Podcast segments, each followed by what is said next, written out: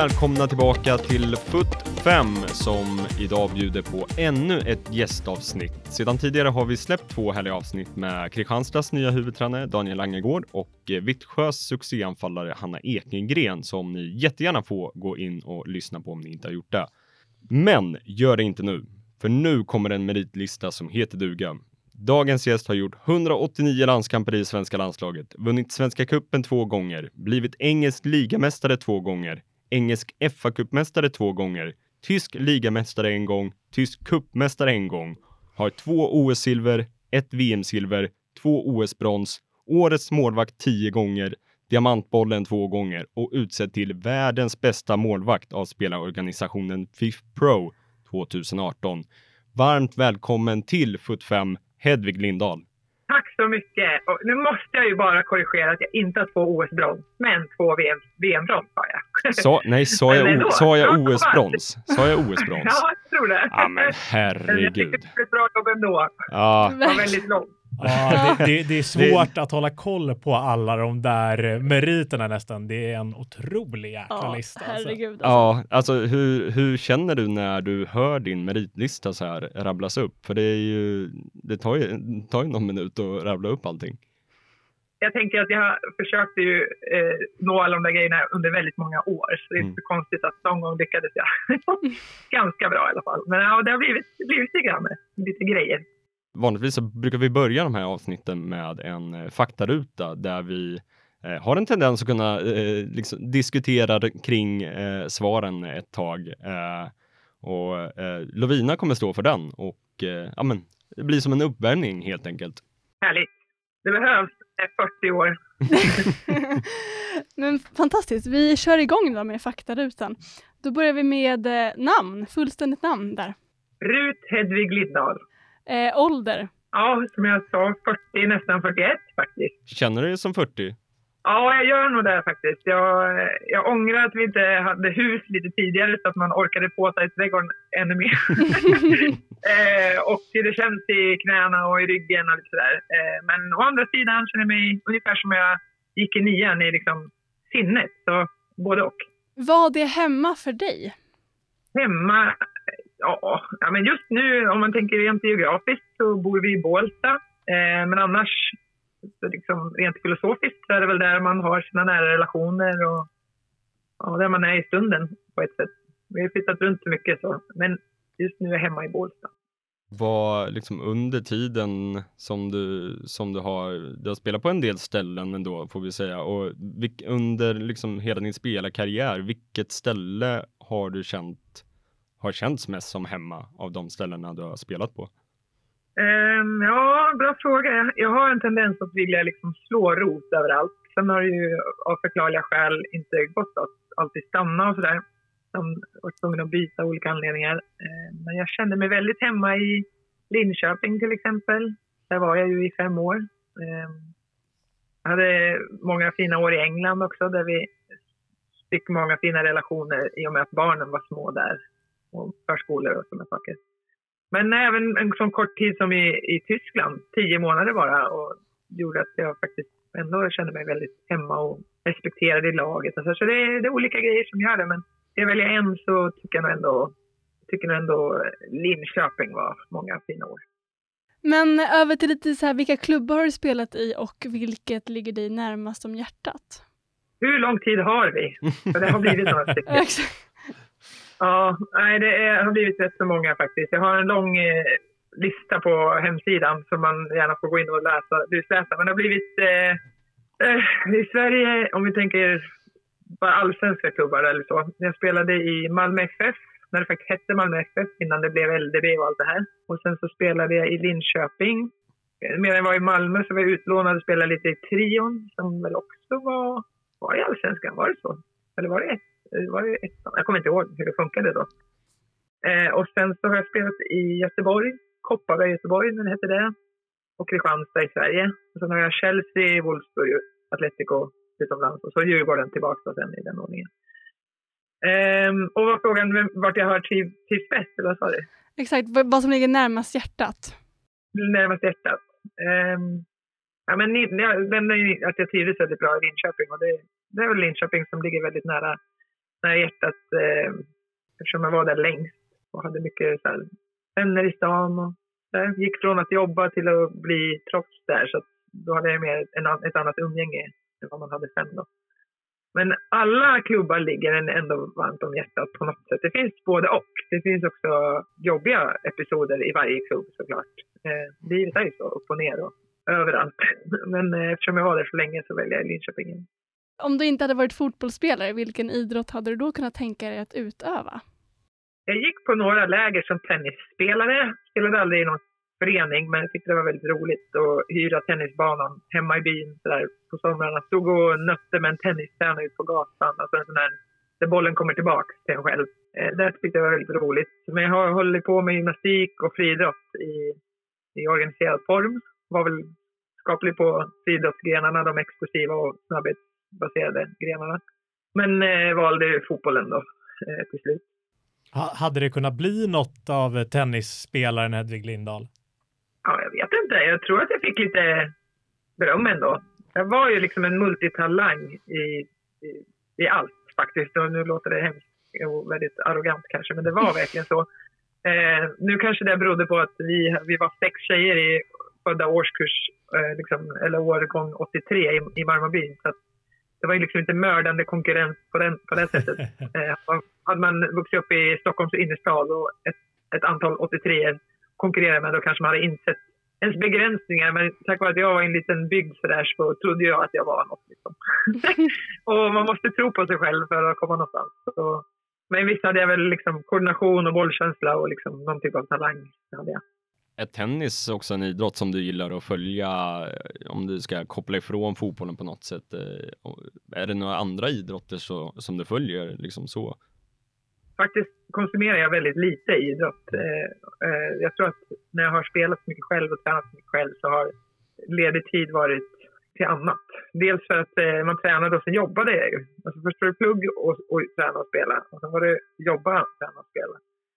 Det var ju de senare åren sen som jag hade ett proffstillvaro. Eh, och då kom ju familjen sen. Så då blev det ju vara med barnen. Jag har aldrig blivit någon stor Vad ska man säga, någon som följer sport så. Jag tycker om, eh, det är ingenting som jag följer så liksom, regelbundet, men jag tycker också om eh, typ mer liksom X-games-grejer, typ snowboard, skateboard, de grejerna. Jag, skulle, jag tycker sånt, det, det, är mer roligt att följa. Typ. De, nu gör jag inte det, men om vi skulle se något klättringstävling hade jag tyckt det var roligt. Alltså, jag kan lätt fastna vid någon skateboardgrej eller snowboardgrej om det råkar vara på, men det är inte så att jag följer det.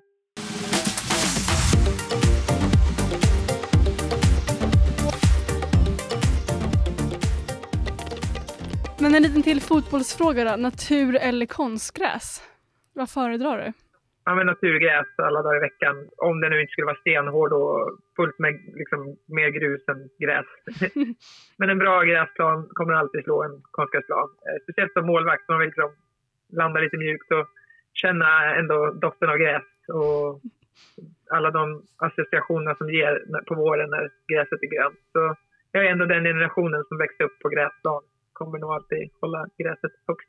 Vad var, vad var dina tankar inför mästerskapet, eh, eh världsmästerskapet 2015 som spelades i Kanada och som väl till 100% spelades på konstgräs om inte jag missminner? Ja, det var lite oro faktiskt för att jag hade två stycken korsbandsskador med mig i bagaget som båda skedde på konstgräs. Och jag är rätt övertygad om att det inte hade skett på gräs, men vad vet jag, det kanske också hade gjort. Eh, så vi är lite oroliga och så mycket så här skoval, hur ska jag göra? Och sen var ju när man väl kom dit så insåg man att det var inte samma kvalitet på alla planer. Det kunde vara olika på träningsplan och matchplan och de olika matchplanerna var också olika. Så just det här med skoval blev väldigt så svårt. Man hade kanske en sko man gillade att spela med och så funkar inte det på nästa. För jag var så himla rädd att fastna. Jag ville, ofta ville jag spela med anpassad eh, dobb på konstgräsplan. Men eh, det, den turneringen vart ju också ett litet, en försöksturnering från Fifa just att lägga eh, mästerskap på konstgräs. Hur kände du inför det, just att eh, Fifa använde ett dam-VM som eh, försöksturnering turnering för det här? För det var ju många äh, eh, höster som, röster som höjdes kring det här. Ja, jag kommer inte ihåg om jag sa något då publikt eller sådär, men visst, det är väl bara, tyvärr är det så vi har blivit liksom conditioned att, uh, att se på saker. Att vi har varit uh, nedprioriterade och, och, diskriminerade på olika sätt. Och, så man blir liksom förvånad eh, att det blir så. samtidigt så behövs det ju testas någonstans. Och ibland får man väl tänka att det kan vara kul att de testar med, med damerna. Men just det där var ingen rolig upplevelse faktiskt. Vad brukar du ha för ritualer innan match? Är det något speciellt? Eh, ja, jag förfinade väl mina ritualer liksom vartefter. Så på slutet av min karriär så jag var inte någon som hade jättemycket att jag var tvungen att göra på ett visst sätt, måste äta någon speciell mat och så, utan bara fyll på depåerna med liksom kolhydratrik mat, gå och mig i tid. Eh, mycket taktiska förberedelser på slutet. Jag kände väl att i takt med att min kropp inte var riktigt lika snabb som innan, då började jag kompensera det lite grann och vara extra förberedd. Så jag la ner väldigt mycket tid på titta på motståndarna och också att eh, analytikerna har verkligen explosionsartat liksom kommit in på damsidan eh, och kunnat ge oss mer förutsättningar att eh, se grejer inför match och även analys efter. Då försökte jag utnyttja det så gott jag kunde med den tid jag hade och med den headspace som jag hade. Och eftersom man kan bli lite lätt trött där det här med att sitta och fokusera och titta på detaljer och mönster så försöker jag alltid att eh, på vägen i, till match, om det var att jag åkte lite buss eller om jag kom själv på hemmamatcher så att jag fick en, i alla fall en kvart på mig att bara typ en liten meditationsstund och för starta om hjärnkontoret lite och, och känna att jag var fit for fight. Så det var väl egentligen de enda rutinerna jag hade på slutet. Eh, brukade du lyssna på någon musik innan match eller i omklädningsrum eller sådär? Ja, men eh, också där över tid så har jag lagt in en favoritplaylist och det var högt och lågt och olika musikgenrer. Det kunde vara klassiskt och det kunde vara hårdrock och pop och ja, instrumentalt, liksom vad som helst på den där listan som jag någonstans hade så det betydde någonting för mig. Jag fick någon energi. Eh, under en period i mitt liv så lyssnade jag mycket på den och det kanske gjorde att jag tog mig igenom en period. Alla de hamnade på en lista och den listan satte jag liksom på eh, shuffle typ. Och så ofta så var det någon Metallica-låt eller Elton John eller så här som jag lyssnade på inför match. Salig blandning. Mm. Verkligen. Vem är den bästa spelaren du har spelat med? Alltså jag är lite så försiktig med att säga att det finns en, en bästa spelare ever. Liksom, för att jag tycker att fotboll är så komplext och det finns väldigt få som är, har alla delar som utgör den här bästa spelaren. Någon är skitbra på glidtacklingar, en annan är, är taktiskt smart och en tredje kan springa som ingen annan och så vidare. Liksom det, det är väldigt svårt, men jag tycker om att spela med folk som är kvicka i att uppfatta saker, alltså rent mentalt. Jag skulle hålla till exempel en sån som Frank Kirby väldigt högt. Ur den aspekten. Hon kunde alltid se när jag, om jag fångar bollen så var hon alltid före i alla tankar. och jag gillar att connect, jag spelar ju snabbt. Jag gillar att spela bollen snabbt framåt och kunna straffa eh, motståndarna. När de, när de går och funderar på oj, vad hände? Så kan vi redan anfalla på dem. Och jag gillar spelare som var med på det. Och hon var ofta med på det. En sån som Karen Carney var också med på det. Eh, Sophie Ingle, jag nämnde många engelska spelare nu. Jag spenderar mycket tid där. Mm. Sophie Ingle tyckte jag var, spelar ju fortfarande i Chelsea och har alltid varit underskattad. Var, tycker jag Chelseas mest kompletta spelare över tid. Lite tyst kanske. Eh, men annars Alexandra Popp i, i Wolfsburg håller jag väldigt högt. Eh, eh, ja, det finns säkert fler som man ska som man ska nämna, men där har vi några. Vad, eh, det var inga, inga liksom specifika eh, försvarare som du, för du nämnde Sam Kerr och Alexandra Popp och så, vad, eh, jag tänker samarbete med mittbackar överlag. Hur, var det någon där som du tyckte utmärkte sig? Nej, men backar, backar ska jag väl eh, fundera. eh. ja, men är, är det ingen som kommer top of mind så så är det... Nej, men det finns, det finns bra backar. Eh, jag tyckte en tjej som, hon, hon kom aldrig vidare längre, hon hamnade i Reading till slut. Men Diana Cooper var en tjej som jag tyckte var skitbra i, i Chelsea, men det tyckte inte coachen riktigt. Så, en sån där som, jag, som räddade allt, som kunde verkligen typ sweepa allting. Så jag kände mig alltid trygg, väldigt snabb. Eh, men igen, ingen har liksom allt. Typ när Sempan kom upp i landslaget så var hon klasser bättre än de flesta med vad gäller passningsspelet. Ja, jag menar Nilla har ju spelat i många år, eh, från, mitt, från mittfältet ner till back. Eh, Amanda Ilestedt har jag alltid känt mig trygg med, spelar supertufft. Charlotte Rolin i Linköping, eh, skitbra ledare ledartyp.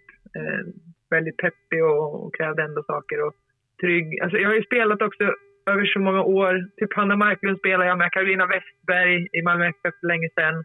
Jag spelar med Jane Törnqvist. Alltså jag har spelat med skitmånga människor så jag vet inte om jag kan välja liksom någon sådär. Jag missar säkert någon när jag inte väljer någon. Så ah, det finns jättemånga. Av allt du har gjort i din långa meritlista, men vad är din största fotbollsupplevelse? Största fotbollsupplevelse? Jag tror att det kulminerar för mig någonstans vad jag liksom klarade av att leverera, det var väl ändå OS-turneringen 2016. När, framförallt nu med USA.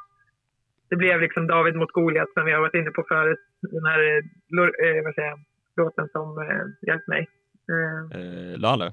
Ja, precis. Som mm. Lale, som Lale, den blev liksom symbolik någonstans för våran turnering och allt det där. Och, och just när vi möter regerande världsmästarinnorna i en kvartsfinal och ingen någonsin har vunnit mot dem i en kvartsfinal och vi lyckas och jag får vara ha en viktig roll med, med straffläggningen och så. Där tror jag att jag fick kanske ut mest av mig som en enskild prestation. Liksom. Den straffläggningen, den, den 120 minuters matchen, alltså straffläggningen, där lyste min energi så starkt så att jag vet inte vad. Sen har jag kanske varit en mer komplett målvakt efter det eh, och haft bättre turneringar som helhet. Jag vet inte. Men enskild match så var det en otrolig upplevelse och hela den turneringen var något så osannolikt så att den måste man liksom nämna. Vi var helt ut, uträknade. Att vi kvalade oss till den här turneringen var helt sjukt i huvudet. eh, och så kom vi hem med silver, så det får man ändå hålla väldigt högt, den turneringen. Ganska tuff start i gruppspelet också, där ni förlorade mot värdnationen med 5-1 i första matchen. Exakt. Ja. Det var krismöten och så skulle vi möta dem i semin på Maracana. Ni fattar ju, det, det, det svängde så mycket där. Och och att det blev så mycket straffar och så här. Så, ja, men den eh, upplevelsen var stark. Um, vad skulle du säga är dina bästa egenskaper som fotbollsspelare? Jag har väl alltid haft med mig att jag var fysiskt stark och eh, explosiv, snabb. Liksom hade okej okay koordination och sen eh, tycker jag väl ändå att min hjärna har hjälpt mig. Det har också skälpt mig ibland, men när jag har varit eh, på ett bra ställe så tycker jag att jag kan uppfatta spelet fort och jag kan läsa det defensiva och styra laget på ett väldigt bra sätt. De, de två grejerna är det väl. Vad, eh, vad har du för favoritarena? Är det någon speciell som ligger extra varmt om hjärtat? Eh, jag nämnde redan Maracana och det, får väl, det är väl den som poppade upp nu när du sa det. Ärligt talat så är jag skitdålig på vad alla arenor heter. jag är ju som sagt inte, jag har inte varit någon så klassisk eh, fotbollsfan. Eh, så när folket kom till skolan i Liverpool-tröja eller någonting när vi var små, så det tog lång tid för mig att så här, koppla ihop vem som spelar på vilken arena. Så. Eh, och sen på slutet när alla damlag började få komma in på de här stora, stora arenorna, då det var ju liksom, jag har fått spela på några, typ Wembley såklart, det var ju coolt att spela där, men den planen är så otroligt stor. Så den blev nästan, då blir man nästan lite rädd bara för att det är så stora ytor. Men Maracana var ändå en häftig upplevelse, måste jag säga. Det är ju, det är fotbollens hem någonstans, Maracana. Mm. Ja. Det enda som var dåligt med det var att vi krossade Brasiliens dröm. Och jag hade läst mig en del, lyssnat på lite poddar och dokumentärer kring Brasilien och favelerna. Och, och, man kände, och Marta som varit i Sverige liksom, kände mig lite extra för. Och Christiane till exempel hade jag spelat med. Eh, när de var ledsna efter för vi hade slagit ut dem, då kände man ju sig som en jävla pissråtta. alltså vi har förstört så många unga drömmar i favelerna säkert. Alltså jag kände, vad fan. Usch, det här vill man inte vara med och bidra med egentligen. Alltså vad, vad hade varit bäst? Att vi tände drömmar i Sverige är fantastiskt och viktigt. Eh, men någon som blir liksom tyvärr avrättad av sin egen stat i sitt eget land i en favela kanske hade mått bättre av att drömma en fotbollsdröm. Så nej, det kändes faktiskt lite jobbigt också. Men mm. samtidigt så var det en, som du säger, det är ju fotbollens hemvist på något sätt. Det i konkurrens med England kanske. Mm.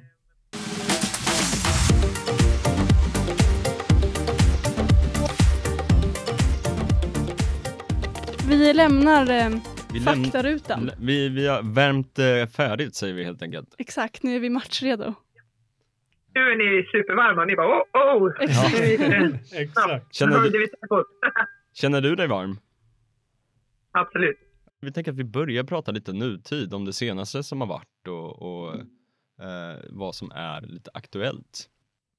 Mattias, vill du ta, ta täten? Ja men, ja men precis. Det, du kom ju tillbaka till Sverige efter ett gäng år utomlands, eh, även om eh, det var inte så många sett till hur lång din karriär ändå var, men det var ändå eh, sju år eller någonting. Va, hur, hur var det att komma hem till eh, damallsvenskan sen? Var det som du hade hoppats på eh, fotbollsmässigt? Jag tycker nog faktiskt att det var eh, högre nivå än vad jag kanske hade förstått i damallsvenskan. Jag hade sett lite grann såklart innan jag valde att gå till Djurgården. När de har spelat. Jag, tyckte, jag blev imponerad över deras taktik och svenska lag generellt är ju organiserade och det visste jag ju såklart. Men jag blev ändå lite så infad. Och, "Åh, men nej, det är bra. För jag hade inte riktigt följt damallsvenskan som ni förstår eftersom jag inte gör det Ja. eh, regelbundet. Du vet, något av highlights och så, men inte så följt ett lag hela tiden. Så det var jag imponerad av ändå, får jag säga. Så jag tycker att det är kul. Det har hänt mycket såklart. Jag var borta sju och ett halvt år. Och det har kommit in nya tränare som har etablerat sig och som jag liksom, som var lite så här, ändå relativt ja, men okända för mig. Eh, om man inte har följt deras framfart kanske i de lägre divisionerna upp och sådär så hade de kanske inte fått de största rubrikerna än. Så började lära känna nytt folk som, som refererades till och sådana där saker. Så det, jag tyckte att det var intressant att det ändå hade hänt väldigt mycket i Sverige. Eh, så ja, men positivt överraskad blev jag. Vad, eh, och, du, och du kom då till Djurgården. Eh, som eh, sen så slutade det väl inget roligt med eh, brutet kontrakt nu i somras. Men, men eh, där blev det ofta en debatt eh, under en period om supportrar. Vad, vad skulle du säga nu med lite distans till de supportrar som var väldigt aggressiva från Djurgårdsled, för jag tänker framförallt på en situation i derbyt mot Hammarby så eh, var det ju folk som brusade upp för att du eh, signerade en landslagströja med ditt namn på och den här supporten var en Hammarby-supporter och då brusade du upp i supporterled. Vad, vad, så här med lite distans till det, vad är din syn på den supporterkultur som du kom hem till i Sverige? Ja, eh, alltså tror, jag har skrivit, jag har pratat massor med folk, framförallt på Twitter eller X. Med, sådär, folk som har visat intresse och engagemang och vissa har jag liksom fastnat i, man skickar DM till varandra och diskuterar. Och just den där situationen är det nog många som känner, ja ah, men där slog det kanske över, där var vi nog lite irriterade och bara sådär väldigt, nästan att man ber om ursäkt lite så, utan att kanske säga sorry till mig. Så tror jag många kände att okej, det där var kanske inte så farligt. Killen var tio år. Liksom. Kan Ja. man ens kallas en klassisk supporter? Han var en kille som gick på fotboll. Han hade tagit på sig en Hammarby-tröja. Alltså, han kanske går varje dag, vad vet jag, men han var tio år. Mm. Och båda hans föräldrar skrev till mig och tackade för att han hade, varit, eh, han hade blivit inspirerad av mig sedan han var fem år. Liksom haft en idolbild på mig i fem år. Så tänk om jag hade sagt nej till honom. Alltså det, det, den, den människan vill inte jag vara. Och där Nej, tror jag folk har förstått att okej, nej, så vill vi väl inte ha det i fotbollen ändå. just det. Utan det var ju, jag, och jag har ju förstått att jag klev över en, en, en eh, osynlig gräns för de som är eh, verkligen i supporterskapet. Eh, Som ni hör så har jag, jag har aldrig varit i det supporterskapet så jag hade ju väldigt lite insyn i det. Och det som varit intressant, det har varit en utbildningsresa för mig. För det här supporterskapet har ju varit på herrsidan. Det får Ja. vi ändå vara ärliga och säga. att man inte brytt sig om damfotbollen historiskt. Eh, sen har det varit eh, några som kanske lever så som har liksom brytt sig om dam, damsidan. Men det har inte varit de som har kommit med kraven. Eh, vi äger klubben. Och det, det har inte funnits, vad jag har upplevt i alla fall, på damsidan. Utan där har man varit heja, heja tjejerna och liksom heja, ramsor om spelare. Det har inte varit så mycket föreningen före spelarna, utan det har alltid varit spelarna man supportar. Och det har varit min verklighet i hela mitt fotbollsliv. Och jag är ju ja men ni har ju hört det flera gånger, 40 år. Så det är en verklighet. Så då fick jag ju glänsa på dörren till en ny verklighet och lära mig väldigt mycket och fått respekt för den. Det är folks hela sammanhang. Eh, och sen när man är inne och hotar sammanhanget så blir det väldigt känsligt, vad det än är man pratar om. Det har jag respekt för. Men man måste samtidigt ha respekt för mig, att ni var inne och hotade hela mitt sammanhang. Mm. Jag spelar inte fotboll för att eh, jag ska bli hatad. Det har jag aldrig gjort. Och det är inte den fotbollen jag marknadsför. Utan jag marknadsför en, en fotboll där alla kan känna tillhörighet och man ska heja, inte hata. Och det står jag för. Och det, det står jag för än idag. Liksom. Det kommer jag aldrig... Det är den jag är. Och om tyvärr inte det funkade i, i vissa högljudda eh, supporterled, då, då var det så. Då var inte vi ämnade att vara med varandra. Eh, men jag, jag, jag, kan inte stå för det. Jag kan, jag kan ärligt talat inte stå för att, man, att fotbollen ska vara så. Eh, så att, eh, nej, jag, jag står stadigt i min värdegrund och jag hoppas att, att fler inte väljer att hata. Det är allt jag vill säga. Ja, men och, och för just den, eh, eh, om det är som du säger att eh, det, historiskt sett så eh, är min bild också att ja, men det inte varit lika stor kravbild från supportrarna på damfotbollen, utan det är ett engagemang som har kommit senaste tiden. Eh, men då har väl också en del av herrfotbollens supporterskap letat sig in i damfotbollen. Eh, finns det positiva saker med det? Kan du se eller är det i och med att du inte är så mycket fotbollsengagerad så är det inte det något du lägger tid på att tänka nu när du inte spelar för tillfället? Nej, men det finns jättemycket positivt. Alltså jag måste säga att till och med jag som varit eh, typ ganska kritisk mot att man eh, maskerar... Jag är jävligt kritisk till att man maskerar sig. Det tycker jag inte är hemma där överhuvudtaget. Men jag skulle kunna sträcka mig till att om man kan göra pyroteknik tillåt det i någon form då, så att det fortfarande är säkert. Inte så att vi bränner ner någon arena om det finns den risken som, som nu. Alltså, det måste finnas en anledning till varför man har satt ett förbud för det. Och den måste man ju respektera. Eh, och maskering tycker jag absolut sänder helt fel grejer. En, en bild på en maskerad person attraherar fel typ av person till matcherna tycker jag. Man ska, man ska sända en glädje, glädjens bild, inte en hotfull bild. Så det gillar jag inte. Men men till och med jag kan ju bli så här, när Djurgården gjorde det här eh, King Kong-tifot, eh, då blev jag lite så här, ah, okej, okay, det är coolt, det är vackert. Eh, så jag kan ju se det vackra i det och jag kan bli imponerad över vilken organisation det måste krävas. Hur kan man, jag fattar inte hur det funkar att alla kan vara så samstämmiga. Vilket projekt, vilken projektledning som sker helt typ ideellt. Det är jag sjukt imponerad av och har full respekt för och har hört att man lägger ner dag och natt på att lösa de här tifona och allting. Full respekt för det. Och det är ju coolt när det kommer in på damsidan. Men när det faller över till att bli hotfullt, när det blir kvartssamtal. Eh, för jag ser att står man och snackar från läktaren och ner på, till en kvinna. Eh, oftast är det ändå en man som står och liksom är lite aggressiv. Eh, om det sker mot en kvinna, vad är det då vi marknadsför? Om man tar en sån bild. Det blir ju mäns våld mot kvinnor liksom. En aggressiv bild på en man mot en kvinna. Och det vill inte jag vara med om. Så om man kan hitta det här fina, ta in det för tusan. Men det här fula, skulle jag säga, det här kravbilden, det hotfulla, nej, det vill jag inte vara med om. Och jag tror bara att man måste... Jag tycker det har varit en bra diskussion sista tiden och vi såg ju det som hände sista omgången i allsvenskan. Eh, det blev en jättestor diskussion och har ju varit flera gånger. Det blir inte, det blir inte bra. Jag tyckte Pontus eh, Jansson, hette han va, i Malmö. Mm. Ja. Hans eh, artikel var intressant, som han var ute och hade nyligen. Den var ju väldigt balanserande från båda håll. Liksom.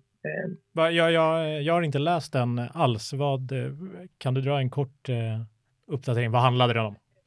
Han refererar ju till sista, sista omgången och hur hans dotter reagerade och att den, det var inte en positiv reaktion. Och han förstår samtidigt alla de som vill engagera sig och visa sina känsloyttringar och men samtidigt så förstår han klubben. Han, han försökte balansera den här diskussionen rätt så intressant. Eh, för han har ju oftast varit kanske som ganska, ja, men varit ganska positiv till eh, det som då kan lätt slå över och bli lite negativt. Så, men jag tyckte att det var en väldigt balanserad och intressant intervju från, från honom.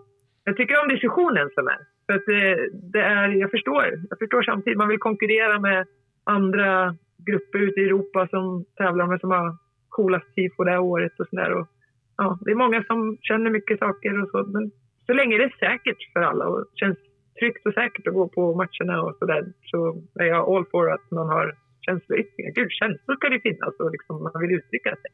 Men det kan ju aldrig bli osäkert. Säkerheten måste ju alltid gå först.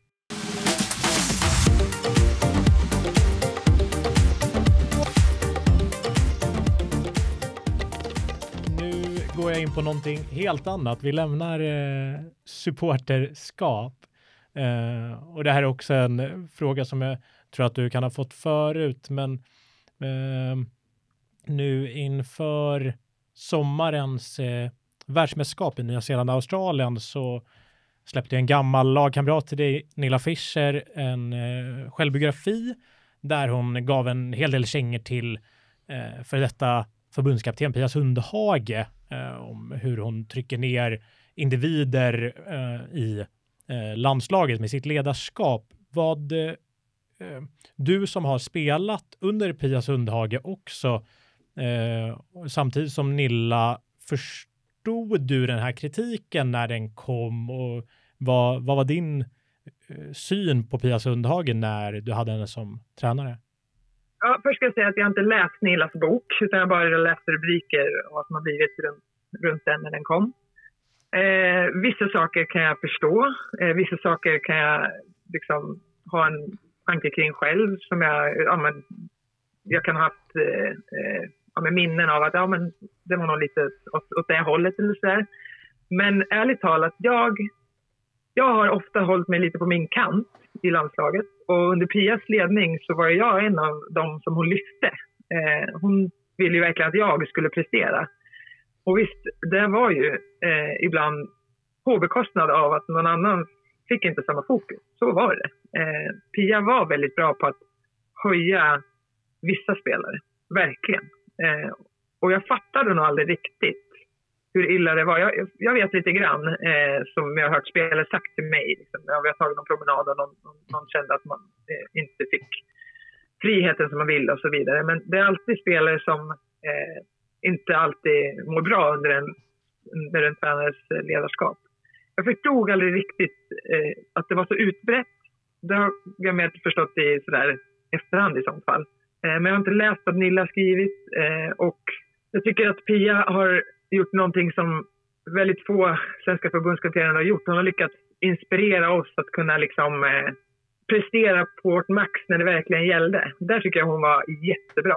När vi ska möta USA i den här OS-kvarten, där hade man kunnat verkligen skita på sig. Men där var Pia fantastisk på att bara ta ner, ta ner situationen och bara det här älskar vi. Nu ska vi göra något historiskt. Det fixar vi tjejer. För hon själv älskade ju de här situationerna när det verkligen brann till. Det var väl sån hon var som spelare.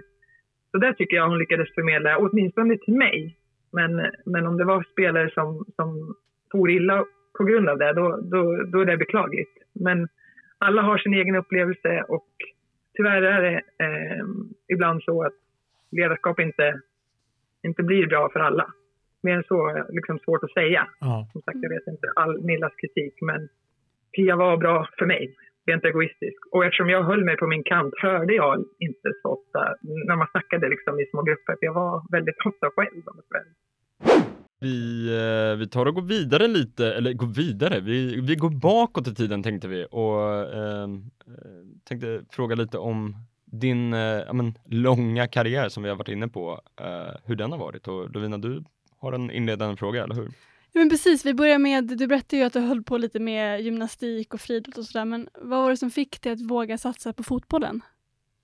Jag tror inte det var någon, det var nog aldrig en fråga om så här mod, det var nog bara, det var nog bara det enda, det var liksom den utstakade vägen. Det fanns inga tvivel.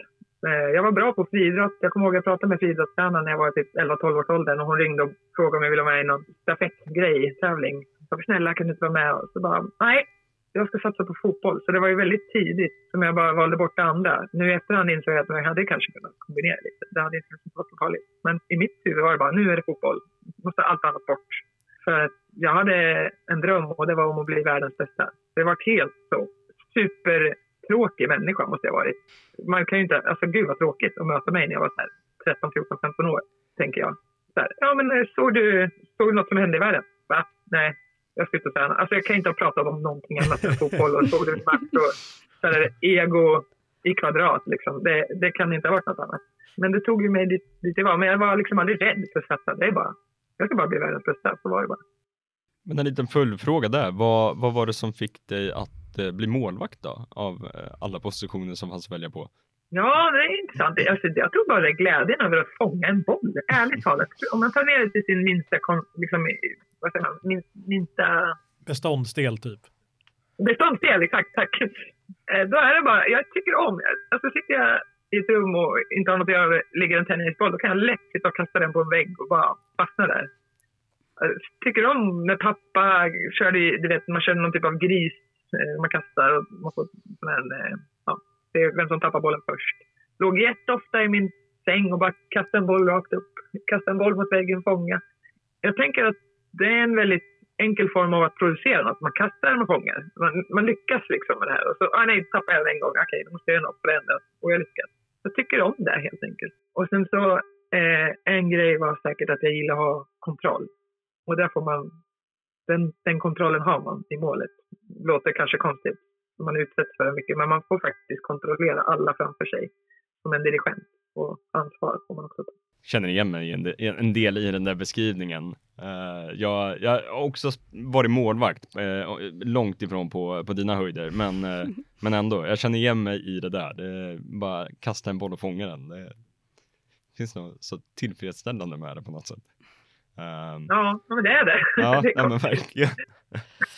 um, Men, men eh, vi, vi tänkte gå vidare och lite dina utlandsäventyr och du är ju faktiskt en av få svenska utlandsproffs som har eh, bott utomlands med familj, eh, med fru och barn. Och hur, hur har det varit? Har, har det varit utmanande?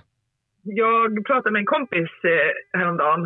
Eh, hon eh, är väldigt framstående i sitt, i sin, eh, sitt område och håller på att forska och grejer.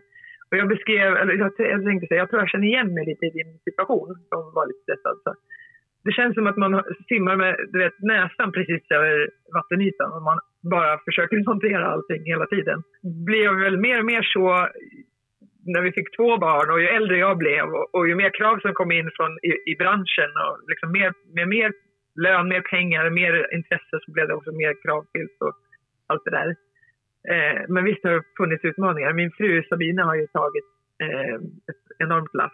Eh, nu när vi har landat här i Bålsta, vi har samlat ihop alla våra grejer, vi hade utspritt över hela världen, känns det som. Eh, verkligen så här, packat upp alla, alla lådor, köpt vårt hus, ser en långsiktighet här. Då någonstans kan man nästan komma ifatt vissa grejer som man bara säger, ja, ah, det tar vi sen, nu flyttar vi dit. Och så, ah, eh, liksom, man har ju bara malt på, kört på, ny match, ny vecka och så ska ett barn dit och så ska vi dit. Och, eh, så det har funnits en, en, stress samtidigt som på slutet när det blev väldigt mycket så var jag väl också bättre på att slappna av. Då var jag inte riktigt så enkelspårig fotboll, fotboll, utan då var fotboll faktiskt bara mitt jobb och tillät mig till och med liksom ta något glas vin ibland. Så var det liksom inte när jag var yngre. Eh, så jag blev bättre på återhämtning också. Så därför lyckades väl jag som individ ha en ganska lång karriär. Sabine hjälpte mig, lagade mycket mat, eh, tog hand om barnen väldigt mycket, har koll på liksom barnen, vet, vaccinationer och allt det där liksom, som har att göra med dem. Och jag fick fokusera, jag fick åka iväg, jag fick följa mindre om att få det ur kroppen. Men visst har det varit tufft. Det har det verkligen varit. Kan klubbarna, utlandsklubbarna, kan de på något sätt göra någonting för att eh, underlätta för spelare med familjer, med barn och så vidare? Jag tror det finns jättemycket som eh, klubbar kan göra. Jag, nu har det säkert hänt massor. Eh, jag, jag, lämnade Chelsea 2019 så det har varit några år där och jag vet att Emma har alltid drivit utveckling i, liksom, rent organisatoriskt där till exempel. Sen så hörde man ju Sara Björk Gunnarsdotters upplevelse i Lyon var ju inte jättebra. Så jag tror sådana rubriker får väl ändå klubbar att haja till att mm, här kanske vi behöver utveckla vissa, de, vissa delar för att underlätta för att tjejer ska kunna föda barn och komma tillbaka. Till exempel. I mitt fall så kunde jag spela utan att behöva vara gravid eftersom Sabine födde våra barn. Eh, men ja, eh, men jag tror att det, det, finns saker att utveckla på den punkten. Jag tänkte till exempel, jag tyckte det var så konstigt och det kanske inte var konstigt egentligen. Det finns säkert massa anledningar till att man inte gör så. Men jag tyckte så här, alla Chelsea herrspelare, många av dem är ju pappor liksom och har barn varför skulle man inte kunna lösa att det fanns, att man tog med sig barnet till typ någon typ av nursery på träningsanläggningen? Då hade jag lätt kunnat lösa min situation lite lättare, så även om det var okej okay för mig ändå. Så det var ju bara så hiskeligt dyrt. Det var så dumt av oss att vara i England och ha småbarn. För det var typ, om man betalar kanske i Sverige 10 procent av vad det kostar i England, eller mindre kanske till och med. Så mycket av det jag spelade in försvann ju direkt på sådana grejer. Det var till exempel inte lönsamt att eh, åka till landslaget för mig ibland. Så att vi behövde kanske ha barnen lite längre på, på nursery eller vi behövde hjälp så fick vi betala någon, någon, ja, någon nanny liksom. Eh, så det där sker ju ständigt en utveckling. Eh, men visst behöver man fundera på hur man bäst stöttar spelare med familjen. Vi, vi, var inne lite på Chelsea där och i slutet av din tid i Chelsea så vart det betydligt mindre speltid. Hur, eh, du hade ändå varit en stor del av eh, Eh, just det Chelsea som ja, men, kom fram under den tiden, vann ligatitlar, kom till semifinal i Champions League. Hur upplevde du sista tiden i Chelsea? Um, upplevde du att det, att det vart ett på något sätt ovärdigt avslut? Absolut ovärdigt avslut. Det var hemskt om jag ska vara ärlig. Jag mådde inte bra alls. Eh, jag träffade några som jag kände igen från Linköpingstiden som hade varit väldigt så eh, omhändertagande. De var, kom ner och kollade på en match där på våren och så frågade de bara “Hur mår du?” och då insåg jag hur jävla dåligt jag mådde. För då bara så alltså, tårarna upp i ögonen.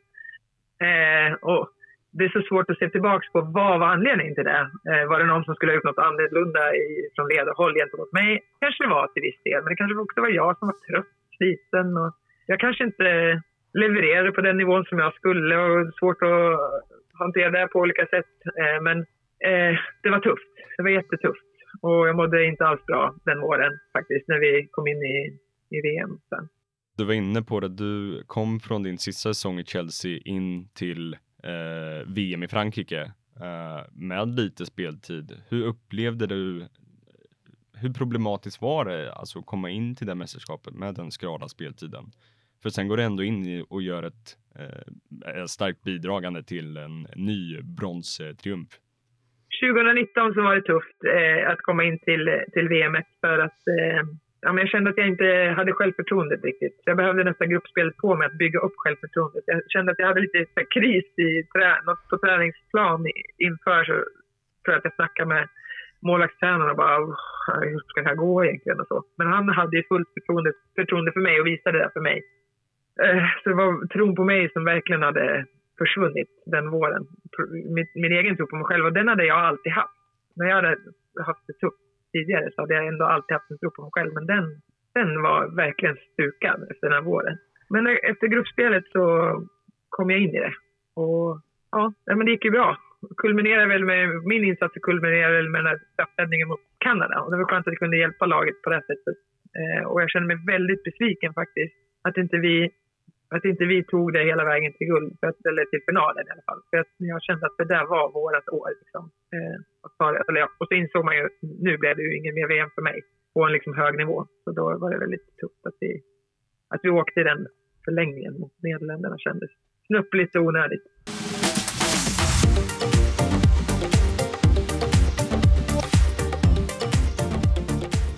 Vad, hur, hur gör man? Du var inne där på att man, man blir inte en dålig målvakt eh, bara för att man eh, inte har spelat på ett tag. Men hur, hur gör man egentligen när självförtroendet har fått en sån törn för att bygga upp det?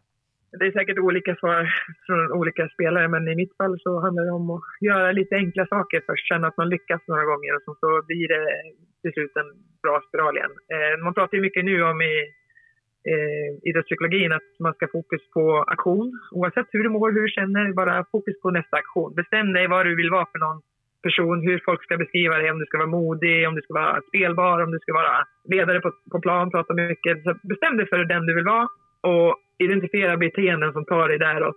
Och oavsett hur du mår och hur du känner så fokus på nästa aktion. Så det är väl, det är väl rådet där i så fall.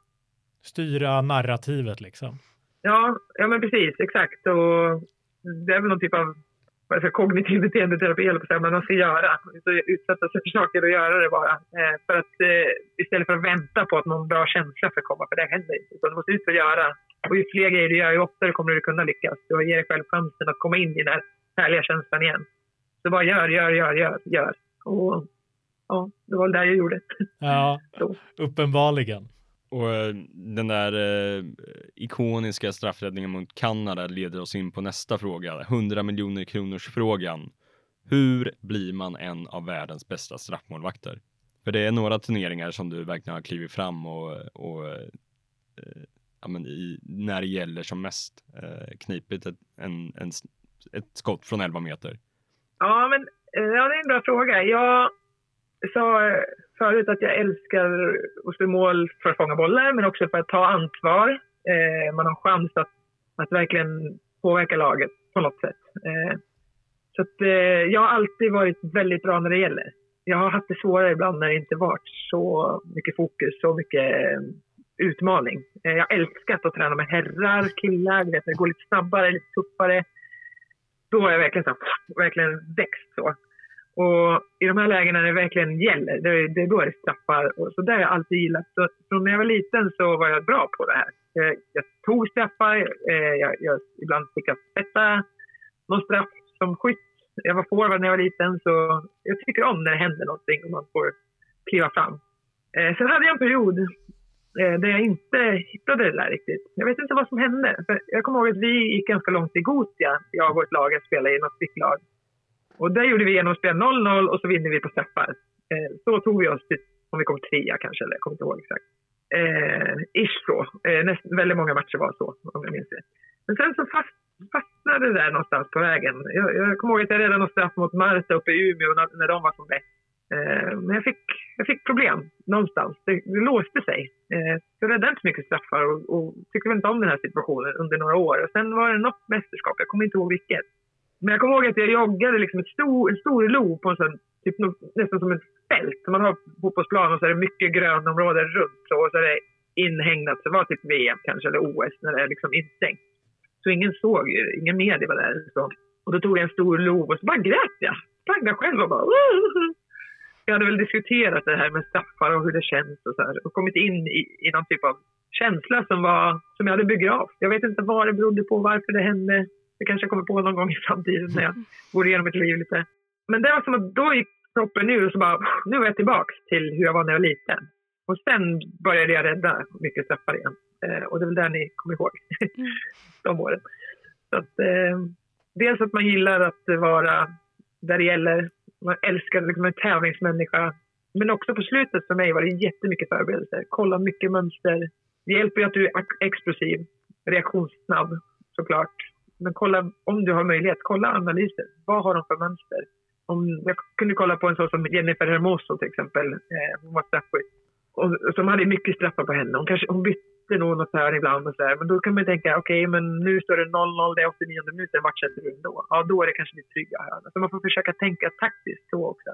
Sen finns det viss statistik man kan luta sig mot om man inte har så mycket eh, videomaterial eller så mycket info om om en motståndare, då är ju att en högerfot oftast går i målvaktens höger och en vänsterfot i målvaktens vänster och så vidare. Så jag brukar också vilja stå, stå på träning och säga så här, eh, säg till straffskytten att okej, okay, du sätter den ut till mitt höger så väntar jag. Jag vet att du slår den, men jag väntar, väntar, väntar, väntar.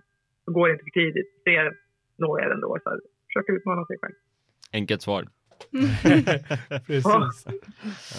Vad, eh, vi, vi börjar närma oss eh, slutet nu på, på intervjun här, men, men eh, vi har ett par frågor kvar. Du, eh, du var inne på i höstas efter att eh, kontraktet hade brutits med Djurgården att, att du ändå hade sett framför dig eh, ett slut på karriären där du går av plan till applåder, eh, hyllning lite grann och nu blev det inte så. Hur, hur hanterar man en sån situation när det inte blir som man har tänkt sig? Man har dörren öppen lite grann på glänt. Ah, okay. fortfarande en sån situation. eh, man stänger inte den dörren för då måste man fejsa alla de där jobbiga känslorna. Ja. Så den, eh, som ni säkert noterat har jag aldrig gått ut och sagt hej då fotbollen som väldigt många har gjort. Eh, det är så, här, det är så intressant nu. Jag ser ju de som liksom slu, eller, är tio år yngre än mig som bara hej då och blir hyllade så här stort. Men jag, jag har aldrig, aldrig sagt det. Och man har den dörren lite öppen och så ser man om den där sista matchen kommer någonstans. I någon, någon division någonstans. Så gör jag i alla fall. Eh, för att jag tror att det kommer att vara otroligt smärtsamt om jag, om jag stänger dörren. Jag tror att det här handlar om att jag är ungefär som, som person. Där. Om jag håller på att diska, då lämnar jag ett glas kvar i, i diskon. Om jag ställer in grejerna som är rent från, från diskmaskinen, då kanske lämnar jag ett, ett av skåpsluckorna lite. Så man avslutar inte riktigt. ja. ja. Jag försöker, jag ska försöka avsluta. ja, men det, det, man tar i sin egen takt helt enkelt. Så är det. Uh, och det leder oss in lite på sista frågan också. Vad, uh, vad har du egentligen för, för planer framöver? Vi vet nu att du uh, arbetar för tillfället som målvaktstränare på en skola. stämmer det?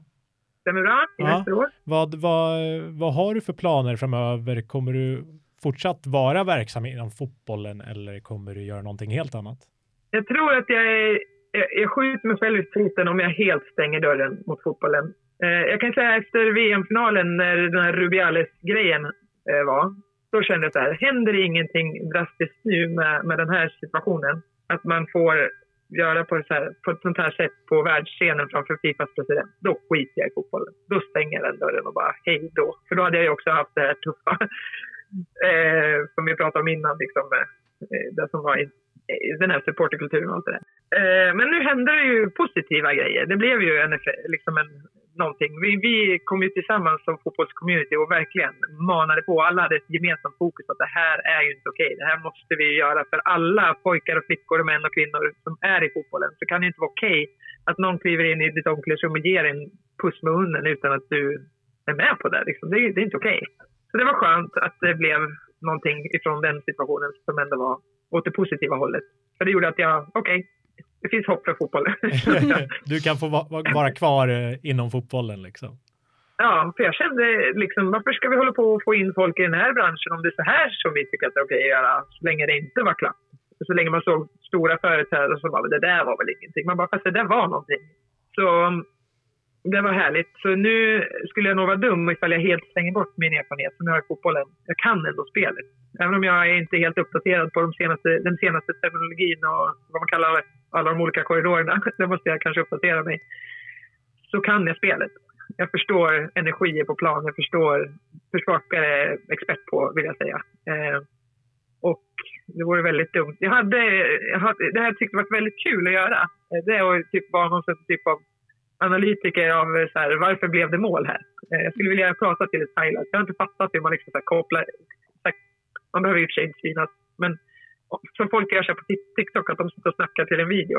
Så hade jag kunnat tänka mig att göra med olika situationer som blev mål. Så här, ja, men här ser ni att den backen kanske borde ha täckt den här ytan och tillsammans med den då, skulle de ha fallit lite tidigare där så kanske den här ytan inte hade uppstått. Bla, bla, bla, bla. Det hade jag tyckt var en väldigt rolig roll att ha. Någon typ av eh, ja, analytiker över varför blev det mål. För det tycker jag inte man får fram så ofta. Man, man pratar om Åh, vilket härligt eh, anfallsspel här. Man bara, fast den där backen gick ju bort sig helt. Så det var inte bra försvarsspel. Liksom. Och till det då målvaktens agerande. Inte bara i, när man släpper in mål, även också kanske när man lyckas förhindra ett mål. Varför var det bra försvarsspel och så vidare. Så jag tyckte det, det hade tyckt var kul. Eh, men jag försöker väl eh, hitta min väg framåt. Var får en sån som mig plats? Eh, jag, har, jag har utbildningarna som målvaktstränare och huvudtränare. Jag är engagerad nu i fotbollsgymnasium och även i eh, faktiskt lite grann i VSK, Västerås SK. Jag kommer med lite grann och försöker lära mig som coach. Eh, eftersom jag jobbar tillsammans med folk därifrån i skolan så blev det ganska naturligt att vi hjälps åt lite där också. Och sen eh, får vi se om det ena leder till det andra eller sådär. Eh, men sen har jag även lite andra engagemang här där jag bor. I Bålsta så har vi dragit igång ett projekt som vi kallar Belong. Vi vill eh, att alla ska känna tillhörighet i bygden här där vi bor. Och vi, det är väl liksom ett led till att det inte ska vara någon eh, person med felaktig intention som lockar med dig liksom ute på gatan för att du är en ensam själ. Utan då ska man komma till oss och, och försöka bli exponerad från olika aktiviteter och kanske hitta sin väg i, i livet tack vare Belong, är tanken. Så där kanske jag också har en liten roll att spela. Så ja, det finns lite olika vägar som, eh, som ligger framför mig. Vi får se om det blir den där sista matchen eller vad det blir. Mm. Ja, men vi, vi ser fram emot om det blir en sån sista match. Då, då kommer vi försöka vara där. Det är klart. Ja, härligt. Den ska, den ska marknadsföras vitt och brett. Ja. Eh, så kan jag, väl avsluta, jag kan väl avsluta med att säga att jag håller, håller också på att eh, sälja en massa av mina fotbollsprylar. Just Ja, nu. Det är väl en on, ongoing grej. Vad är planen bakom det? Ja, men jag behöver få lite space där jag bor. Lite för trångt. Jag har så mycket väskor och, och saker. Och... Men eh, jag tänker också att det kanske är en liten bearbetning över det som varit. Att skiljas från grejer kan vara svårt ibland. Man liksom tackar för det som var. Lite så här, vad heter hon, japanskan som... This spark joy? Nej, tack så mycket för det som har varit. Vad heter det Kantor? Nej, jag vet inte. Där, där, är jag, där är jag för svag. Ja, det är någon grej på Netflix ni ska se. Man gör av med saker i alla fall. Eh, så ja, nej, men jag vet inte, det kändes bra. Nu kändes det rätt. Nu, jag har gått och tänkt på det här hur länge som helst. Så ska jag göra. Nu bara kommer svaret till mig. Jag gör en Facebookgrupp, det blir hur lätt som helst. Och det har varit eh, härligt intresse faktiskt och det är jättekul. Folk blir jätteglada när jag mejlar och säger du vann utgivning. Bara no! Så det- och mycket så här, folk som skriver, jag mejlar ju till folk som, som budar så där folk slänger med lite så här, Åh, tack så mycket för din härliga karriär. Så det är bara härlig, härlig energi i det, här lilla communityt. Roligt att kunna sprida sån glädje. Ja, men precis. Och det är många som har minnen från vart de stod när det var någon straffläggning och så får man en tröja från, den, från det året kanske. Då, det blir ju jättestarkt. Så det är häftigt. Men, men inga medaljer eh, är till salu. Det såg jag, läste jag i någon artikel. Ja, men precis. Där känner jag att jag, de håller jag nog Där går gränsen. på ett tag. Ja, Ja, jag, jag tror det. Ja, det, vi, vi får se. Jag, jag tror att jag vet en här som kommer gå in och kolla, kolla målvaktshandskar i varje fall. Ja, ja Ja, precis. Målvaktsunionen. ja precis. Vi GK varandra. Ja, ja, men precis. precis. Eh, du Hedvig, det var allt vi hade och vi vill tacka så hjärtligt mycket för att du eh, ville ställa upp och vara med i eh, Fot 5. Ja, men det var faktiskt väldigt trevligt. Jag har lyssnat lite grann på er och det är ju många poddar där ute nu som är jättekul. Ni måste komma ihåg att jag var med när det var typ en artikel i månaden kanske om damfotboll. Så att, att vi nu har ett antal damfotbollspoddar som gör det på ett väldigt bra och proffsigt sätt gör mig bara så himla glad. Så att, eh, fortsätt med det ni gör. Ni gör ett jätteviktigt jobb. Jättekul. Ja men det värmer jättemycket Mm. att höra. Tack så jättemycket Hedvig och tusen tack för din eh, hittills fantastiska karriär. Den är inte över än. Nej. Eh, men eh, så, som du sa, jag tror vi är många som minns vart vi stod eh, under straffläggning mot USA och eh, Kanada-straffen och alla de här eh, ikoniska ögonblicken. Eh, så tusen tack för att du var med här. Tusen tack för din karriär och stort lycka till i framtiden. Tack så mycket. Ja, tack, tack. Tack, tack. Ha det Ha det fint. fantastiskt. Eh, Vi är tillbaks med ett nytt avsnitt igen nästa vecka. Adjö! Adjö!